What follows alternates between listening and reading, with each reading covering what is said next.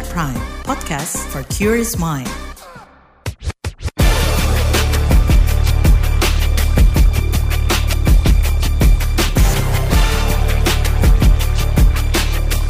Cek fakta, cek fakta, cek fakta. Halo, ketemu lagi bareng gue Don Brady di podcast Cek Fakta edisi 2 Oktober 2023. Kita bakal bahas top 3 hoax of the week yang beredar dari 21 hingga 27 September 2023. Hasil periksa fakta dengan tingkat engagement paling tinggi pada akun Instagram at turnbackhoaxid bersama Aribo Sasmito, co-founder dan fact-check spesialis masyarakat anti fitnah Indonesia, Mavindo. Podcast ini bisa Anda simak di kbrprime.id setiap Senin dan di aplikasi podcast lainnya.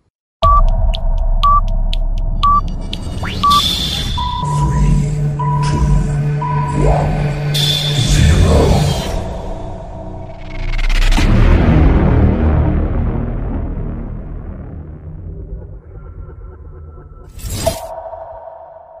Number 3. Di posisi ketiga beredar foto dengan narasi pemuda Tiongkok bakal banjiri posisi ASN di Indonesia. Sebuah akun Facebook mengunggah foto seseorang berwajah oriental mengenakan seragam aparatur sipil negara atau ASN. Foto ini disertai narasi para pemuda asal RRC Tiongkok akan membanjiri PNS, TNI, Polri, dan anak-anak pribumi harus siap bersaing. Setelah diselidiki, ternyata wajah yang digunakan pada foto suntingan itu adalah wajah aktor Korea Selatan Kim Son-ho. Kim Son-ho merupakan aktor yang bermain dalam drama Korea populer seperti Startup dan Hometown Cha-Cha-Cha. Aktor ini juga sempat mengadakan fan meeting di Jakarta pada 2 dan 3 Juni 2023. Nah gimana nih Mas Ari hasil penelusuran faktanya? Ini aktor Korea malah disebut ASN dari Tiongkok.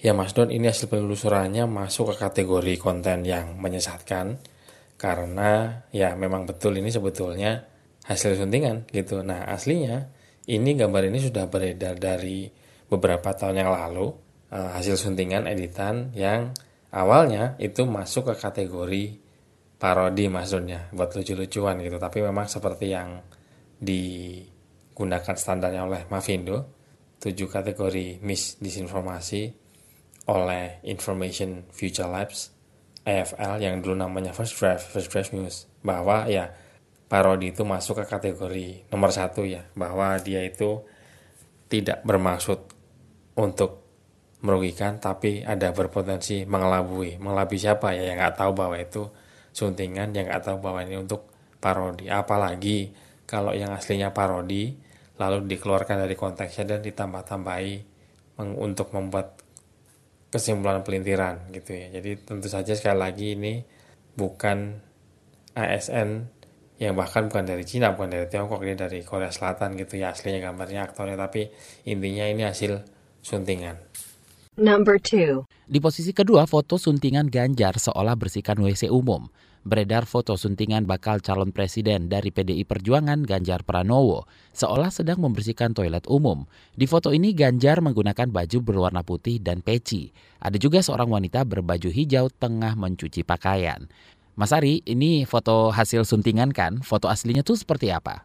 Ya Mas Don betul banget ini hasil suntingan karena di foto aslinya ini Pak Ganjar itu membersihkan lumut di tempat air wudhu di pondok pesantren Sukawara di Kecamatan Karanganyar. Nah, gambar aslinya itu Pak Ganjar sedang membersihkan lumut dari tempat wudhu, lalu gambarnya itu diganti menggunakan gambar yang bahkan lokasinya beda Mas Don ya gitu. Oke, Mas Ari. Aslinya di pondok pesantren, lalu gambarnya Pak Ganjar itu diambil lalu ditaruh di gambar MCK di Kelurahan Pinangsia Jakarta gitu ya. Makanya jauh ya. Aslinya di mana lalu gambar suntingannya ditaruh di mana. Jadi betul bahwa ini adalah gambar hasil suntingan Number one. Di posisi pertama, gambar baliho Ganjar diedit menjadi ganja untuk semua. Lagi-lagi hoax soal bakal calon presiden dari PDI Perjuangan Ganjar Pranowo.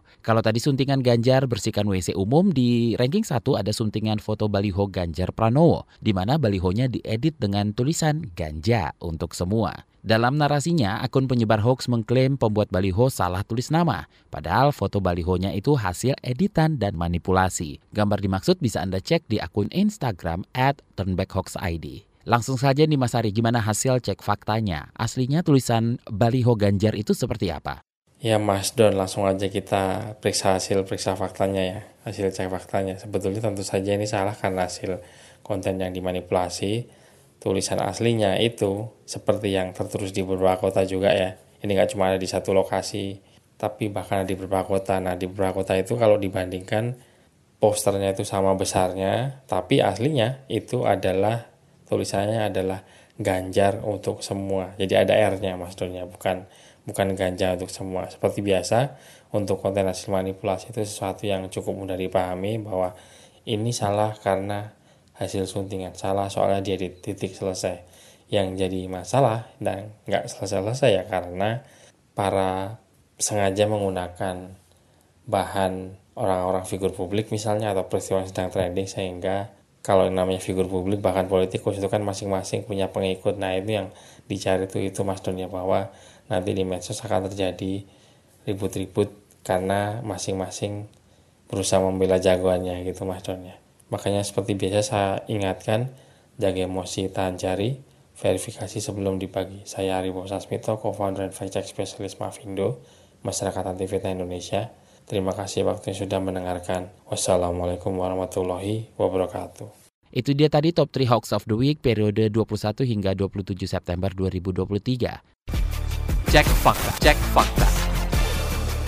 Nah, data dari Mavindo menyebut hoax politik itu berada di posisi paling tinggi di 32,3 persen dari 1.600 hoax. Kemudian yang kedua, hoax di bidang kesehatan seperti tadi yang dibedah bareng Mas Ari dari Mavindo bahwa di chart kita pekan ini pun nggak lepas dari hoax politik. Nah, kita mau obrolin lebih dalam lagi terkhusus soal hoax terkait politik. Apa saja yang perlu diwaspadai? Bersama kita kali ini kandidat doktor dari Universitas Canberra Australia, FX Lili Dwi Margianto. Mas Lili, seberapa besar ancaman dan potensi dampak hoax soal uh, baca pres pemilu 2024? Apakah hanya ada di media sosial atau ada juga kekeliruan pemberitaan di media massa? Sepakat sih. Tadi kalau pertanyaannya tentang seberapa bahaya kalau garis bawahnya adalah bahaya misinformasi atau desinformasi tentang baca pres, baca wapres, menurut saya sangat bahaya, sangat sangat bahaya. Jadi kalau diminta berpendapat dan memprediksi sebahaya apa, saya kok cenderung untuk menarik sampai level paling ekstrim ya, sampai ke konflik horizontal yang kalau mau ditarik lagi bisa sampai ke hal-hal yang tidak kita inginkan lah. Kalau misalnya memang klop atau menyentuh elemen tertentu yang mau tidak mau masyarakat akan mempercayainya meskipun salah.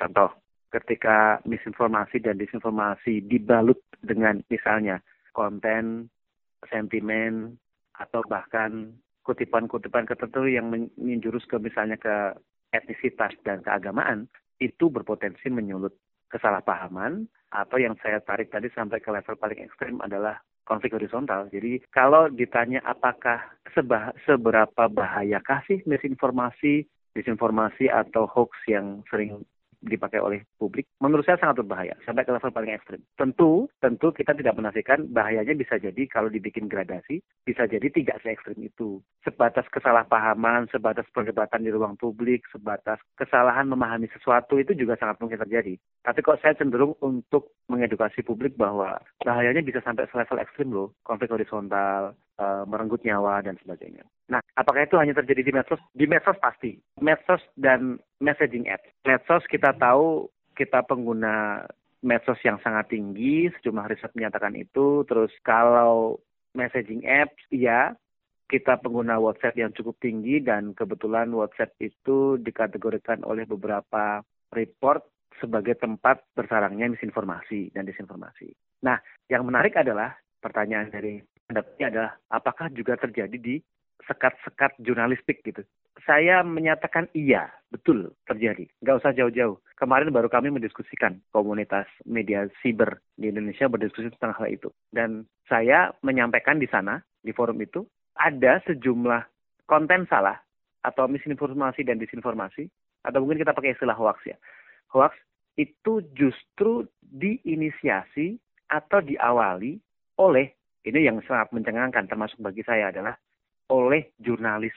Sebutlah beberapa contoh hoax yang terjadi beberapa waktu yang lalu misalnya tentang ini balutannya double nih isu keagamaan dan dan problematika jurnalistik. Isu yang mengatakan paguyuban alumni 212 mendukung salah satu baca pres. Pernah ya ada info tentang itu ya? Iya. Nah, info ini salah. Salahnya kenapa? Karena belakangan diklarifikasi bahwa secara secara institusional paguyuban alumni itu tidak atau belum mengarahkan dukungan ke salah satu bakal calon presiden. Tapi yang terjadi adalah salah satu dari mereka, salah satu dari mungkin member atau mungkin loyalis atau mungkin uh, simpatisan dari gerakan ini pernah menyatakan secara personal dan itu muncul di media tertentu menangkap dan kemudian alih-alih mengkonfirmasi justru membuat hal tersebut. Jadi jebakan viralitas itu juga bahaya buat media massa nih, buat jurnalis. Bukan mengkonfirmasi, tapi justru mem memberitakan bahwa ada video viral seperti ini, bla bla bla bla. Kemudian itu kemudian diambil oleh uh, politisi tertentu dari partai politik tertentu, kemudian dulu pengamat media, pengamat politik sekarang menjadi politisi, kemudian dipublikasikan melalui akun media sosial personal politisi itu. Dan ini amplifikasi berikutnya. Jadi berawal dari kesalahan jurnalistik, kemudian diamplifikasi oleh publik, kemudian beredar. Dan kemudian setelah viral, dibantahlah oleh paguyuban alumni bahwa mereka belum mengarahkan dukungan.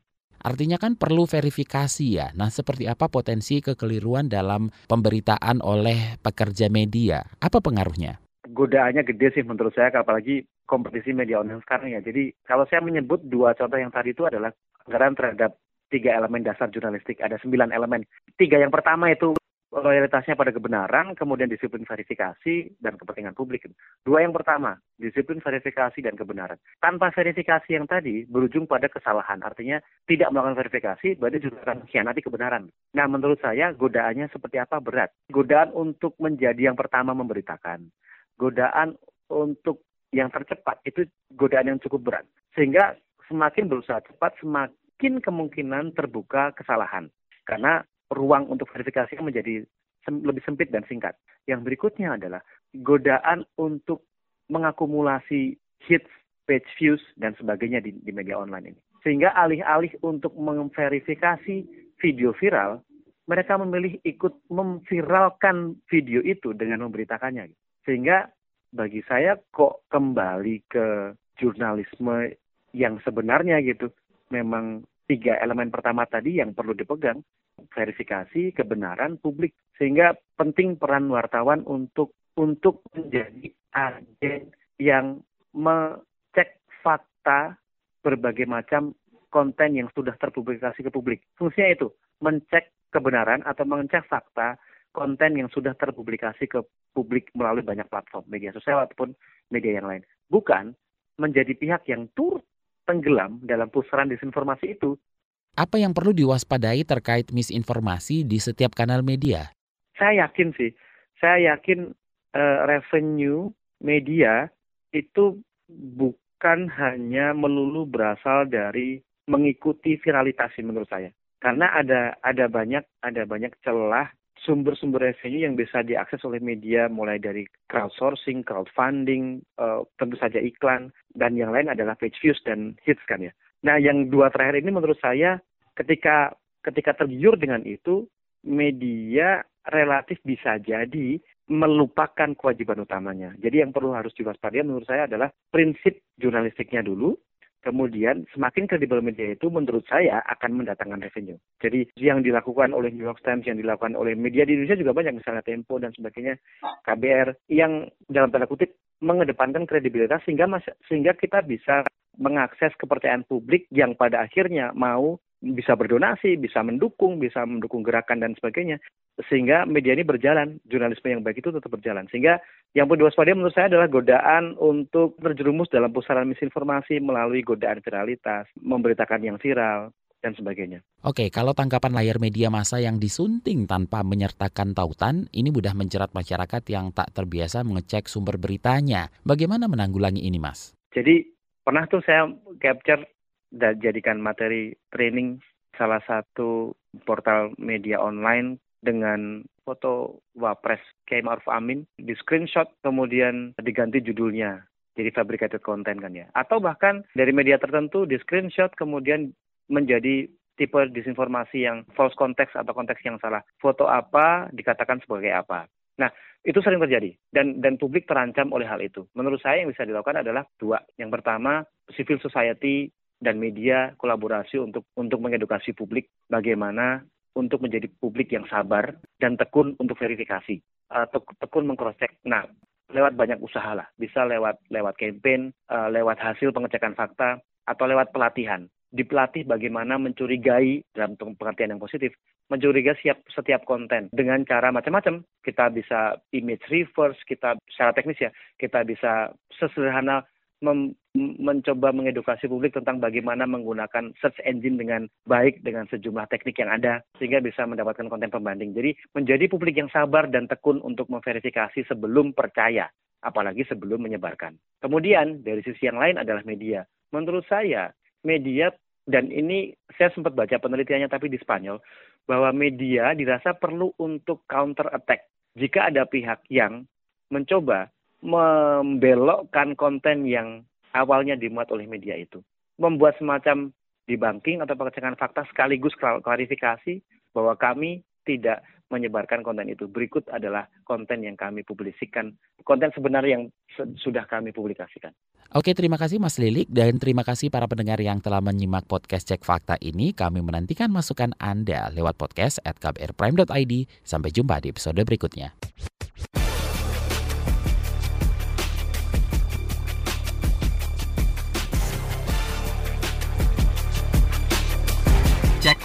Cek Fakta, Cek Fakta, Cek Fakta.